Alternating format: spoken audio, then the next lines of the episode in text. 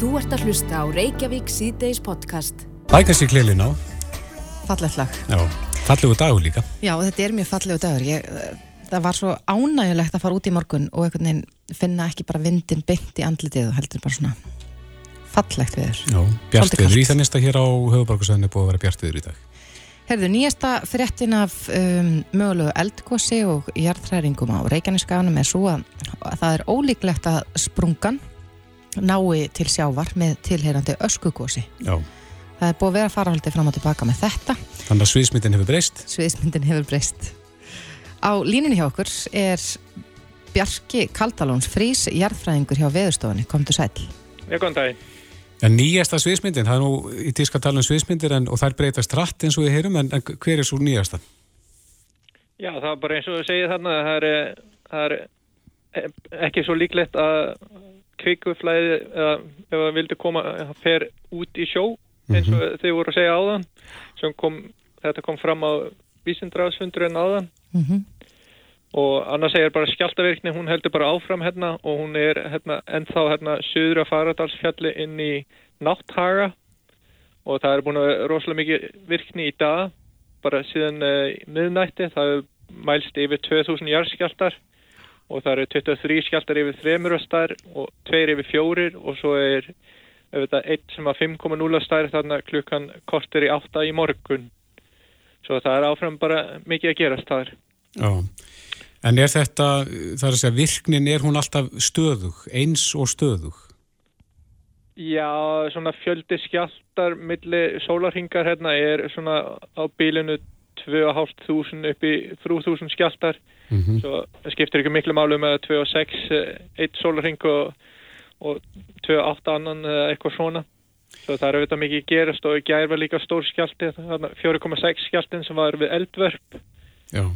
Uh, og svo auðvitað kemur þessi 5.0 hérna í morgun hérna sem auðvitað fannst út um allt hérna Akkurat. svo það er auðvitað mikið virkni og stóri skjálta líka og já og kvíkugangurinn heldur áfram með að hækka. Það er bara óvist hversu rætt kvíkuflæði er en virknin eins og hún er búin að vera síðustu sólarhingina er ekki búin að færast miklu lengra söður en hún er. Hún er bara skorða einhvern veginn þarna í, í, á natthægi mm -hmm. í dalurum þar.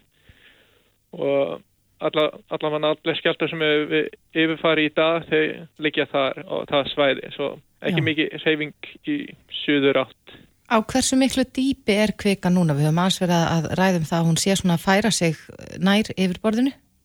Já, það er auðvitað erfitt að sjá þegar mann er að yfirfara skjáltana hérna hvaða dýpi af því við fáum oft dýpi sem er 3, 4, 5 km dýpi svo það er ekki vist að við sjáum rétta dýpi fyrir, fyrir skjáltana þarna eða rétta dýpi fyrir, fyrir kviku hvar kvikan er en svo eru auðvitað búin að uh, þegar var fundað síðast með gerfinnatamind frá Insar uh, þá auðvitað komið ljósa að kvikan liggur á um 1 til 1,2 km dýpi mm -hmm. og það er vantalett ný insarmynd á morgun en svo er eitthvað vesen sjá ESA sem er European Space Agency. Það er eitthvað, eitthvað bruna einhver stað þarna niður. Það er óvist hvena við fáum myndin og, og, og hvernig hún lítir út. En ef allt gengur vel þá erum við að fá mynd á morgun og, og getur þá vantalega fengið einhver, einhverju niðurstaði frá þessi myndir eftir haldi á morgun einhver -hmm. tíman ef að ef að þessi myndir er í lægi. Já, en þú segir að kvikan liggi þarna kilometers dýpi, er það grund? Já, það er frekar grund með að hvað er venjulegt og það eru þetta skjáltavirknin síni líka að það er ennþá, kvikugangurinn ennþá að stækka og, og það er ennþá reyfing þarna. Já, en er kvikugangurinn, er, er það hans sem er að valda þessum uh, stjáltum?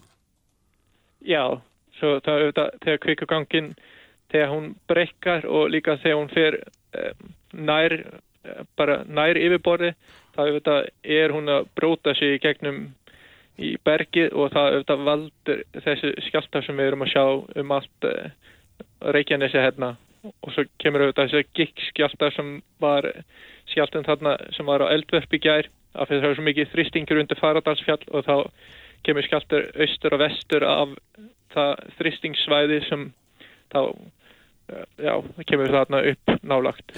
En Bjarki, að því þú nefnir gikk skjálta, Já, hvað er gikk skjálti? Hvernig lýsir hann sér? Gikkskjálti það er bara að þú ert með þrýsting eins og ert í augnablikku undir farðalsfjalli sem þrýstir upp þar og þegar þú ert að þrýsta upp þarna þá kemur afleiðingar austur og vestur að þann staður og það er það sem gerist við eldvörp í gær. Já, það er gikk skjálti sem að lýsir sér þannig. Já, Það voru hérna í bítinu hér á bylginu í morgun ringdi einn kona frá Grindavík og, og hún var akkurat að segja það að, að þau var að finna fyrir meiri skjáltum og eins og þeir væri að koma úr öðrum áttum. já, Er það út af þessum, þessum gikk skjálta? já, það er líklega. Uh, auðvitað þegar kvikan hún flæðir inn í jarlu þá myndast þessi kvikugang Mhm. og, og þá myndast þristingur í jarskorpunni og þann spenna hún, hún skapa þá austan vestan megin við kvikugangin Akkurat. og, og svo losnar spennan í skjáltunum og, og þá farur svona svo kalla gikkskjálti sem er merki um spennulósun en hann taknar ekki um að kvika sig á hreyfingu á þeim svæðum en það er bara afleðinga frá spennan sem er undir faradalsfjalli sem þá e, sýnir sig í skjáltar e, austur og vestan megin við þetta spennusvæði. Akkurat. En Bjarki, er enn búist við því eða svona að það tali líklegt að við gætum fundið enn stærri skjálta en þá sem við höfum fundið hinga til? Já, þú getur auðvitað fengið þessi gikkskjáltar lengra austur eh, nær brennistelsfjöllum eða upp í bláfjöllum, það eru auðvitað möguleiki. Svo þann möguleiki er allavega áfram að við getum fengið bara skjáltar á, á fimmastæri og upp eftir ef, að, ef að þetta heldur áfram. Hver- Hversu stóra skjálta er, er maður búast við að upplifa? Já, það hefur þetta mælst skjáltar áður, sögulega skjáltar í nær bláfjöllum upp á 6, 6,5. Er möguleiki á slíkum? Já, Já. Bjarki Katalóns Frís, jærfræðingur hjá Veðurstofu Íslands, kæra þakki fyrir þetta. já, minnstumáli. Þú ert að hlusta á Reykjavík C-Days podcast. Reykjavík sittis á bylginni heldur áfram. Við eh, höfum nú rætta hér í vikunni og það hefur verið mikið af fréttum í þessari viku um, um eh, ráðningu áslóðar örnu á, á Jóni Steinar Gunnlaugsinni fyrirhandi hæstarættdómara í, í það hlutverk að verkefni að, að já, vinni því að stitta málsmeðfra tíma. Já, sem að held ég að flesti sér sammálum að þurfa að gera. Já, það er rétt. En eh, já, það er uppi, uppi hérna fjadra fók út af þessu vali í þetta verkefni en, en Jón Steinar Gunnlaugsson hefur nú sagt sig frá þessu verki. Jón Steinar er á línu, kom til sæl. Já, komið þér. Já, hver er helst ástæðan fyrir því að þú ákveður að, að víkja? Ég, ég vil bara ekki að mín persóna skikki á þetta þýðingamikla verkefni. Sko. Nei, Það er eitthvað fólk í samfélaginu sem sýnir sig í því að telja að verkefni get ekki gengið ef að ég stjórna því og, og þá er það mér mjög létt í sinni að, að hætta bara hverfa frá verkefni til þess að greiða fyrir því að það geti haft betri framgang þá í höndum einhverja annara. Mm Já, þú sagðir, hefur sagt að, að, að fólk hafi verið að nýta þig að einhver leiti til þess að, kasta rýrð á áslu og örnu. Já, já. Hvernig útskýrir það? Já, það, það, það veitist að mér, sko. Ég var skotspótnin e, í eiginlega eh, sem ég met svo að sé einhver pólitísk barátt að gegn henni. Vegna þess að það er auðvitað mjög sérkennilegt að fara að ráðast á mig í þessu verkefni fyrir það. Já, mér er gefið að sög, sínist mér að hafa verið einhver sérstakur uh, talsmaður kindarisbrota manna, sko, og hún sé að brjóta af sér í embætti með því að skipa slíkan skadræðismann til þess að sinna þessu verkefni og, og ég sé þetta ekki öðruvísi heldur bara einhver árás á hana því að, því að árás á efni þetta kemur verkefninu bara ekkert við. E, hérna, ef það væri nú eitthvað til í því sem er nú ekki að þá sé ég nú ekki hvernig það ætti að geta hamla því að ég gerir tillögur um hröðun uh, hérna, rannsóknar og málsnaðferðar í brotamálum. Og þá er þetta meðal annars kynferðisbótamálum en þetta er kjarni málsins í því sá að þetta er bara einhver fyrirsláttur og, og vittleisa sko að, að vera að búa til einhvern fjandan kynferðis eða þeirra sem hafa orðið fyrir kynferðisbótum úr mér, ég þetta kannast ekki til það að þetta bara einhver hugarburður hjá einhverju fólki sem að verðist eh, vera í einhverjum annarlegum erindum nánast. Mm. Var þrýst á því Jón Steinar að, að segja þið frá Nei. þessu verki? Nei, enginn sem að hefur óskað eftir því en ég tek þá ákvörðum algjörlega sjálf sko. og það er bara vegna þess að ég tel að þetta sé þýningamikið málefni og ef að fólk er að bregðast svona við og lýsa því fyrirfram að þetta sé eðilegging á verkefnin að fela mér það, þá var það mér mjög lett í skapi að, að, hérna, að bara hætta því, skilur mm -hmm. Áslögu Arna Sigurbjörnsdóttir hefur sagt frá því, frá því á Facebook síðu sinni að hörður Felix Harðarsson muni taka þetta verkefni að sér eh, Ertu bjart á það að, að það muni nást árangur í þessu víðamiklu verkefni? Já, ég hef svo sem enga ástæði til annars því að já, hörður Felix er náttúrulega bara hreinasti aðbrasmaður og og ákjósanlegur til þess að sinna já nánast hva, hvaða alvarlegu verkefni sem er ég þekki hann bara af einu góðu og, og mér finnst að henni hafi tekist vel upp í að, að velja manni þetta í staðin fyrir mig og, og ég vona þá að það munir skila árangri. Ég er alveg, ég var aðeins byrjaður á verkefninu sko. Já. ég er staðráðin í því að hafa samband við þann góða mann hörð sko og bjóð honum að fá honum í hendur sko, þau gögg sem að ég var búin að, og botalegginga sem ég var búin að leggja niður fyrir mig eh, áður saði mig frá verkinu. Það, það, það er nú ekki meiri ílska í þessu höstur en það verkefni verður að sitja fyrir sko. Já, en þegar við heyrðum í því síðast Jón Steinar og þú reynda tókst það fram í grein sem að þú byrti síðan að, að þú skoraður að tvær þinkonur að mæta á opnum fundi. Já, það legg ekki, það er blessað. Fekstu eitthvað viðbröð? Já, já, það, það hefur byrst ofinbarlega að hvoru þeirra ja, tekur þeirri áskorun og, og ég auðvitað hlýtt á að hlýta svo á að þeim finnist það eitthvað ógmænlegt sko að, að tala við mig þannig að aðri heyri og að, það er veiðast vilja að þessar konur vega að mönnum sko úr einhverju einrúmi þannig að það sé ekki til ansvara þegar það komað fram með Eh, málefni sín og, og, og, og þess vegna eða hvað vilja það ekki mæta mér á fundis með þetta verið einlægasta leiðin mm -hmm. þar sem báðir aðeinar eru viðstættur og geta bara borið fram sín sjónamið í málinu og svara þeim. Já, rétt aðeins í lókin Jósteinar þegar við erum að, og þú áttir að fjalla þarna um uh, styttingu málsmeðferðartíma Já. Það segir að því hérna í fréttum í dag að fyrirvændi bankastjóri landsbankans var dæmdur uh, í tólmána stjórnarbundi fangilsi í hæstarétti. Uh, þetta er út af svo kallu ímónmáli. Þetta er hvað 13 árum eftir hrun. Já, já. Er, er þetta gott dæmi um hvað mál geta verið lengi að velkjast um í kerfinu? Ég held það. Ég var reynda búin að ná talsambandi við verjanda þessa bankastjóra til þess að byrja hann um að leggja mér til sko svona, já, skematist yfirlitt kannski mm -hmm. yfir þessa mál, málsmæður sem hefur tekið svona langa tíma já, þetta eru þetta alveg fyrir neðan allar hellur að það skulle taka, vera hægt að halda mönnum sem sökuðum í einhverjum sakamálum í, í 13 ár uh, hérna uh, ég menna þetta er þetta er svo sem ekki hlægjand að þessu sko þetta er alveg, það er líf manna er eigðilagt með þessu og þess vegna er það sem að þetta verkefni er fýðingar mikið og miklu starra heldur en ég, skiljið. Og það, það hérna, verður þess vegna að reyna bara að gera sitt besta til að greiða fyrir framgangi þess. Já, við erum saman því. Eh, Jón Steinar Gunnlaugsson, hæstarættarlaumar og fyrirverandi hæstarættardómari. Kæra þakki fyrir þetta og gangið vel. Já, samanlegist, takk fyrir. Já, bless. Hlustaðu hvena sem er á Reykjavík C-Days podcast. Já, já, Reykjavík C-Days, það voru heldur betur fréttir af bóluefnamálum núna í vikunni sem er að líða. Mm -hmm. En uh, það var náttúrulega þessa leðilegu fréttir af AstraZeneca sem að hlýi hefur verið gert á.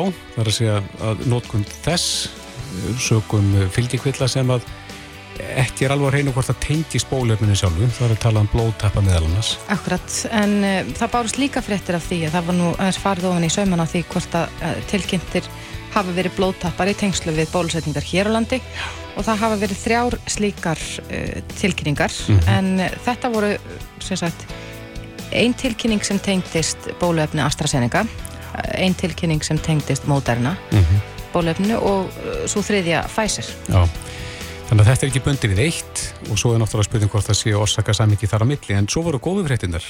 Nú er búið að samþykja Janssen bólefnið sem að er það bólefni sem að stjórnvöld hafa gert samningu um að kaupa sem mest magna af, Mm af þessum bólefnum. Já, og við tölum hér við Frankartur Hjúkurnar hjá Helsugesslinu og Höfuborgarsvæni gær sem sagði okkur að þetta væri tölvört mikil hagraðing fyrir okkur hér á landi að, að þurfa bara að gefa einaspröytu vegna þess að utanumhaldið að bóða fólk í bólusetningu nummið tvö og, og því um líkt að það dettur út. Rúna Högstóttir, Kvanberg, fórstjóru lífjastofnunar, er á línunni, kom til sæl. Sæl og blessa. Er komin einhver afhendingar áallun með Janssen?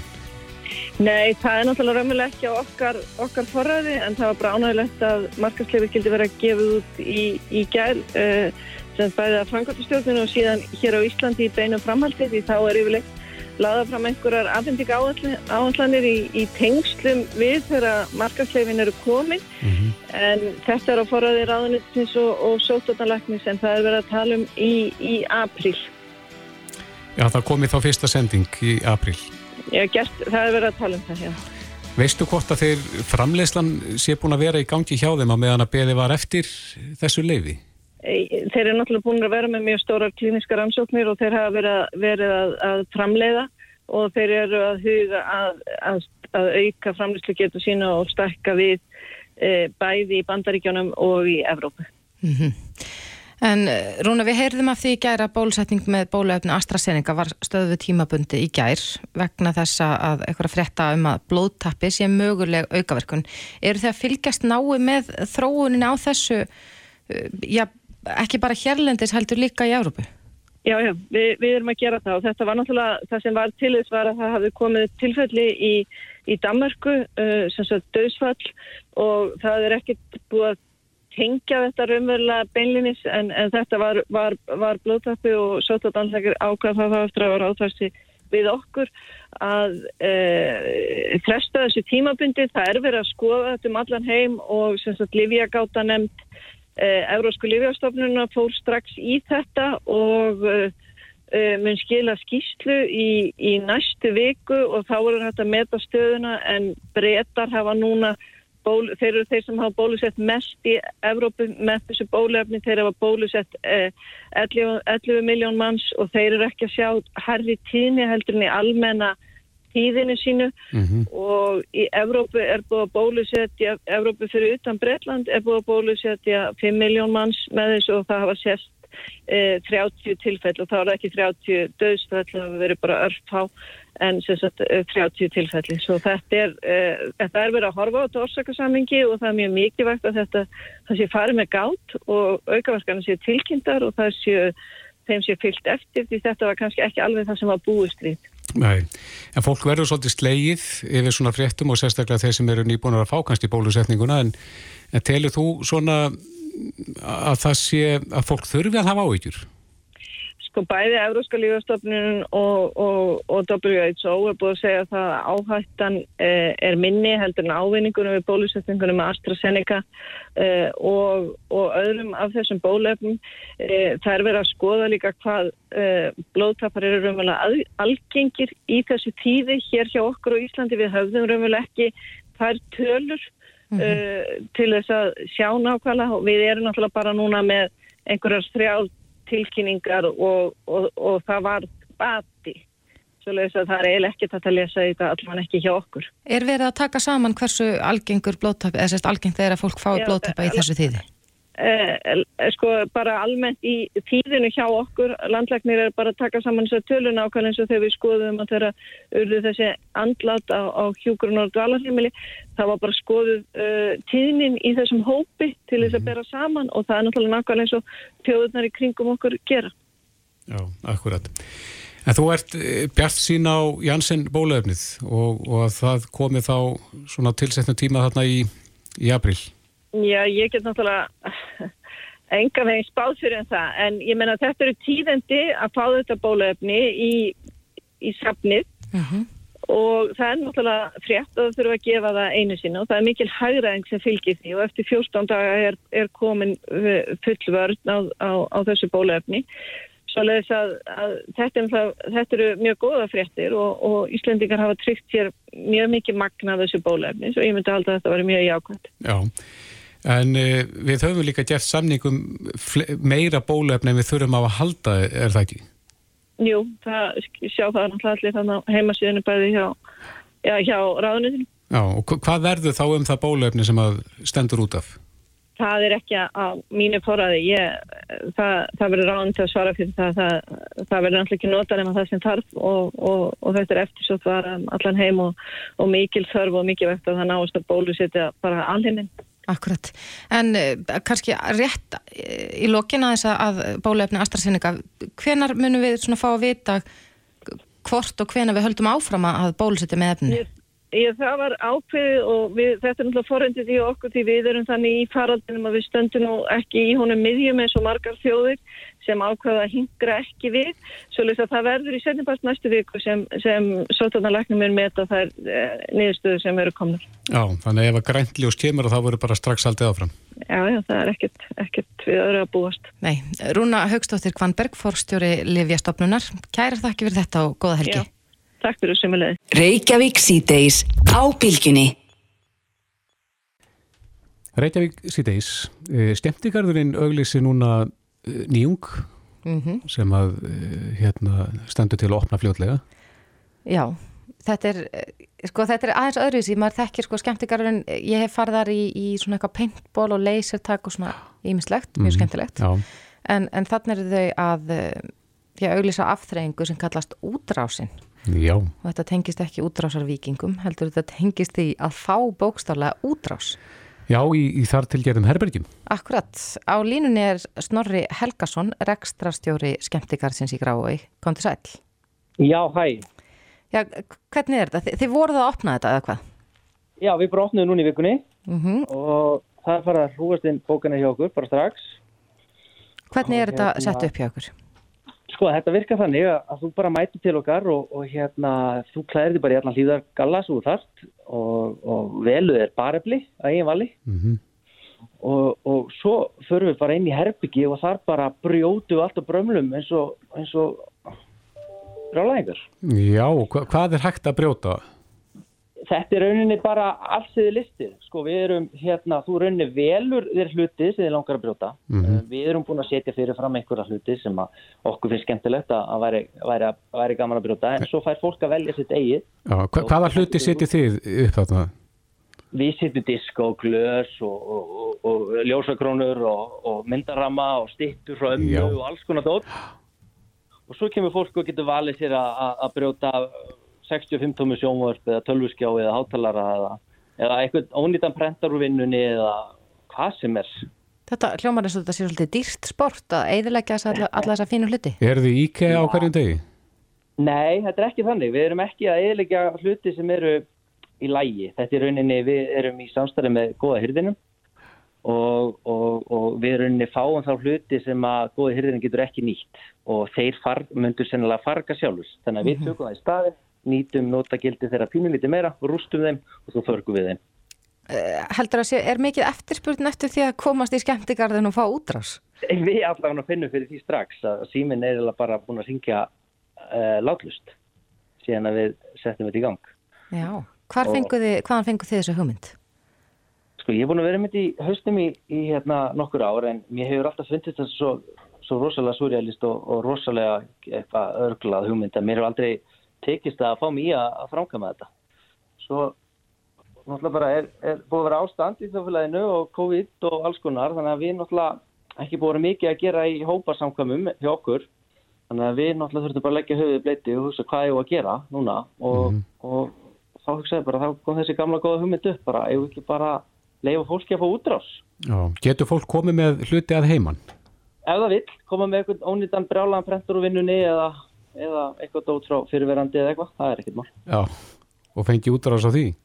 Já, já. En hva... svo sko, skemmtilegt þetta er að þú ert náttúrulega, svo ert í upptöku allan tíman, ef þú vil, þú ræður því og, og svo getur þú kipt myndbandaði í lokin í öllu brálæðinu.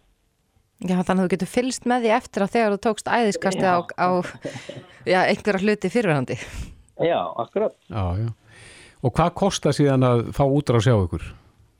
Þetta er svona, þetta eru mismöndi pakkir sem við bjóðum upp að en þetta er svona 5 skall á mann, cirka. Já, Og hvað er maður lengi inn í, inn í þessu herbergjum? Um, í rauninni, þú getur verið með herbyggið í alltaf klukkutíma, eitthvað svo leis. Um, en svona prógram í heilsin er svona kannski klukkutími til tveir. já. Það er ekkert að brjóta niður veggi.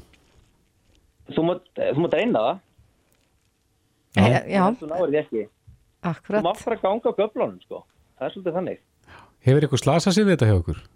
Nei, ekkert, engin einu svona skorið sig eða neitt sko, það er bara þetta er náttúrulega, þú fær hlýðagala og þú fær uh, hlýðagrímu og, og Mhm. vettlinga og allt svo leiðist þannig að þetta er eins og örugt og, og, og, og hægt er sko Já, þetta hljómar er svo spennandi afþreying fyrir þá sem þurfa á útrás að halda.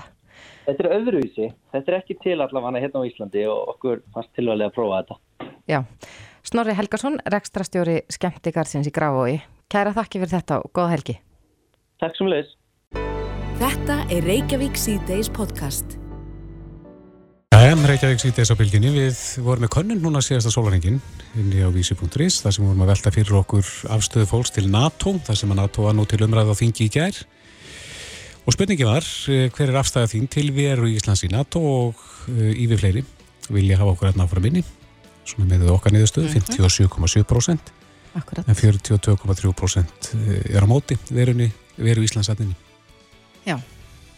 Það, ég, það var eiginlega öfugt við það sem ég held. Ég, ég held, Já, fannst einhvern veginn eins og hljóðið í fólkinu væri svona meira við ættum að fara úr NATO en Já, en e, það hefur nú alltaf andað með hérna verinu þarninni, svona í konunum hjá okkur í það minnsta. En að öðru og niður á þing, Áslöðu Arna Sigurbjörnsdóttir, dómsmálar á þeirra, hefur verið með í smíðum frumvarp til laga, er þetta ekki breyting á barnalögum? Jú, meðal annars held ég, en þetta er sem sagt uh, breyting sem gerir það verkum að börn geti verið með skipta búsetu, þetta snýra þessum lögheimilismálum, en eins og Já. staðan er núna, þá getur einungis eitt fóreldri verið lögheimilis fóreldri barns, jafnvel þó að, að fóreldrar fari með sameila forsjá. Já, sem að mörgum þykir undarlegt og fóreldrar hafa verið að lenda í vandræðum mitt út af þessu fyrirkommalagi. Akkurat, en Áslu Arna Sigurbjörnsdóttir er á línunni, kom til sæl. Sælverði. Já, er þetta ekki rétt með farja okkur? Þetta snýra því að sko jafna stöðu fóreldra. Jú, fóreldrar sem fara sameiginlega með fórsjábars og geta haft alla ákvörðumtöku sameiginlega, það geta þá verið með barnskráð eh, hjá báðum fóreldrum eftir skilnað. Er einhver önnur skilirði sem fóreldrar þurfa að uppfylla á þetta? Ég hef nú heyrst einhverja gaggrin á þetta að, að þetta eigi bara við um þau tilvik þar sem að fóreldrar lifa fullkomlega í, í sátt og samlendi og fara sameiginlega með forsjá. Já, það verður að fara sameiginlega með fórsjábars ef þetta á að ganga að það séu skráð tvö heimili og það er einnig þá auki samningsfrelsi fóreldra er varðar bæði framfæslu og meðlag og það er mjög mikilvægt svo að þetta úrræði gangi upp og við byrjum á þessu að leggja það til að börn eh, geti þetta þá uh, haft skráningu hjá tveimur fóreldrum eða tveimur heimilum en þá er þetta mjög mikilvægt að fóreldrunir uh, séu með allt svona upp á borðum og geti unnið saman. En Þegar maður heyrir rökið með þessu þá- finnst mann þetta svo sjálfsagt mál en hvað hefur staðið í veginu fyrir því að, að taka þetta fyrirkomalega upp? Það er kannski bara flækjustígi og það hefur verið rosalega lengi í ímissi vinslu og verið að vinna að breytingum um bara jafna stöðu fóreldra. En er eitthvað sem setur sig upp á mótið þessu? Nei, svo sem ekki svona í hildinni það er alltaf hægt að finna eitthvað eh, minniháttar að eða annað sem þarf að breyta í kjölfarið til þess að tefja málið og það hefur oft verið gert. En þróun síðust áratuma hefur þetta bara verið að jafna stöðu fóreldra svo þeir axli jafna ábyrða umunum og velferð barsins þó þeir búi ekki saman. Já, Við erum auðvitað að sjá breytt þjóðfélagsmiðstur og fleiri fjölskyldur þar sem börn eru alveg upp á tveimur heimilum alveg til jafns. en svona meða við hvað manni þykir þetta sjálfsagt mál að, að hafa þetta fyrirkomalega svona eins og þú ert þannig að breyta þessu þá, þá fær maður á tilfinninguna að, að tölvan hafi bara sagt nei og þess vegna hafi þetta verið svona. Já, það eru auðvitað mikil réttindi sem fylgja skráningu lögheimilis og aðgangur að gögnum og upplýsingum til dæmi sem margir fóreldrar hafa rekist á að þróttur að vera með sammeila fórsjá og þá sé bara annað fóreldri sem geti fengið alls konar upplýsingar úr hinnum ymsu kerfum sem við koma barninni Mm -hmm. uh, og það eru auðvitað það sem hefur verið kallað eftir að það sé ekki verið að búa til einhvern ágreining þegar uh, barnið er alveg upp til jafns á báðum heimilum. Já, Við heyrðum fyrir ekkert svo löngu síðan af, af manni sem að fór með barnið sitt í, í apotek og ætlaði að leysa út síklarleif fyrir barnið. Hann var með um, dildi forsi og með móðurinni en, en gata ekki fengið að leysa út leif fyrir barnið. Mun þetta koma til með að breyta því? Já, og það eru ín svona atriði sem þarf að síðan að fylgja því að þó að eh, frumvarpi verða lögum núna fljótlega í þinginu að þá mun taka nokkra mánuði í innleggingu og þarf að tryggja alls konar annað sem þarf að fylgja þessu, bæðum ferðarkostnað, sjúkradagpenninga, styrki vegna hjálpatækja vegna fallara barna og fleira. Mm -hmm. Svo að þetta gangi alveg smurt fyrir sig í öllum kerfum og fyrir öll börn. Við horfum oft til já, Norðurlandana þegar kemur að svona málum. Hvernig eru við svona með við þau? Það er aðeins misjamt uh, hvernig búum hnútana þar uh, en margir er að færast í þetta fórum sem við erum að leggja til núna. Annað heitir lögheimili og hitt heitir búsetuheimili uh, og meðan sátt erum slíka tilhugun þá séu jöfnréttindi á báðum þessum heimili. Einmitt. En uh, við getum ekki sleftin á þess að nefna þess uh, fréttæfni síðustu daga áslög. Það er mál Jón Steinar Gunnlaugssonar sem, sem hefur sagt sér frá þessum störfum sem hann var skipaður í að að reyna að finna leiði til að styrta málsmeðferða tíma Já. í kerfinu. Uh, svona, hver eru þín viðbröð eftir þessa lendingu að hann hafi sagt sér frá þessu? Já, ég fekk annan mann uh, til að taka að sér að vinna þessa, að þessum tilugum uh, málsmeðferða tíman og hann setti óskaði eftir að vera leistur frá verkefninu. Hans persóna var kannski farin verða fyrir þessu mikilvæga verkefni. Mm -hmm sem við þurfum auðvitað að vinna af og ég vildi koma af stað og það er hægur allra að rannsóka með fyrir mála fyrir domstólum tæk ekki á langan tíma og ég setti þetta verkefni á fóta eftir síendur tekna fréttir að lengum fyrir tíma efnagsbóta og hef fengið hörð Felix Harðarsson hættur þetta lögman til að taka þetta vinna. Ásláðan, kom þér á óvart hversu mikið fjadrafók var út af þessari ráningu? Já, uh, ég ætla nú bara að segja það. Um, ég skilaði þetta persónu sem umdelt og það líka passa að segja að uh, samsama ekki lögmenn við þá sem þeir verja almennt um, og það er hættilega þegar það er gert og það er farið að samsama síðan uh, dómsmálur á þar að við þær skoðanir einhverja sagbortninga sem verður að verja. Um, þannig að það þurfa að gæta því en þetta átti alltaf að, að snúa að sérstaklega málskanfæri tíma efnagsbrota uh, ég hef átt samtölu fjölda lögmanna sem sint hafa slíkum málum og eru sammála um úrbota sér þörf og við hefum verið að vinna ímsa vinnu og mér fannst uh, umræðan ansi óvægin gagvart uh, þeirri miklu vinnu sem ég hef til dæmis unni í aðgerðum gegn kynferðsóbeldi og í því kerfi sem eru sérstaklega eftir að vera að vinna að, eftir aðgerða átlum sem að senda fót og er ennþá í gangi og kom þessari vinnu ekki beint við. Mm -hmm. Hvenar á að stila niðurstöðum? Í mæ. Já. Og hann mun þetta bara kalla sér svo aðala borðinu og ég til mikilvægt að hlusta ólík sjónami í þessu efni og að læra af reynslinni. Já. Áslöðu Arna Sigurbjörnsdóttir, stónsmálar á þeirra. Kæra þætti yfir þetta og góða helgi. Takk kærlega sem leiðis. Reykjavík síðdeis á Bilginni podcast. Reykjavík síðdeis á Bilginni heldur áfram. Við erum tölum oft um sko, neturiki. Já og nú hafa borist fréttir af því að um, Microsoft Exchange sem er þá postþjóttnin sem að, bak, að baka Outlook og allt þetta sem að margir nota í tengslu mm -hmm. við Microsoft uh, það er einhverjir miklir veikleikar þar að baki Já. en netörgisveitin Certis varar við veikleikum í algengum og mikilvægum kerfum og bendir á að sjaldan hafi jafn margir alvarlegir veikleikar komið fram samtímis Guðmundur Arnar Sigmundsson, fórstuðum að neturikistelda post- og fjárstýttastofnunar eða Sertís, er á línunni, kom til sæl? Já, komið sæl. Er þetta eitthvað sem að almenningur þarf að hafa ávíkjur af? Nei, ekki í stóru mæli. Um, þetta er svona meira það sem kerfistjórar uh, þeirra fyrirtækja sem að reyka kerfi, Microsoft Exchange kerfi á, í sínum eigin hardware í rauninni, sem eigin velbúnaði, þurfa að hafa ávíkjur af. Já, þannig að þeir, þeir eiga meðtaka þessi stílabóð frá ykkur í dag. Já, já, og eru lungur búinir af því og, og hérna margir aðilar bæði já, einhver geranum og, og við hér Svettis höfum verið að vinna í þessu þessa vikuna. Á þetta við um marga hérlendis, eru margir sem er að, eins og segir, reyka á, á, á sínum kerfum, svona postjóna? Já, já, það er alveg stórlisti af, af félögum sem að hýsa sín eigin eh, exchange þjóna, exchange er henni bara néttjóknin sjálfur sem að sér um tölubóðsanskiptin. Það er ekki beint tengt átlúk eins og var komið á hérna í, í kynningunni.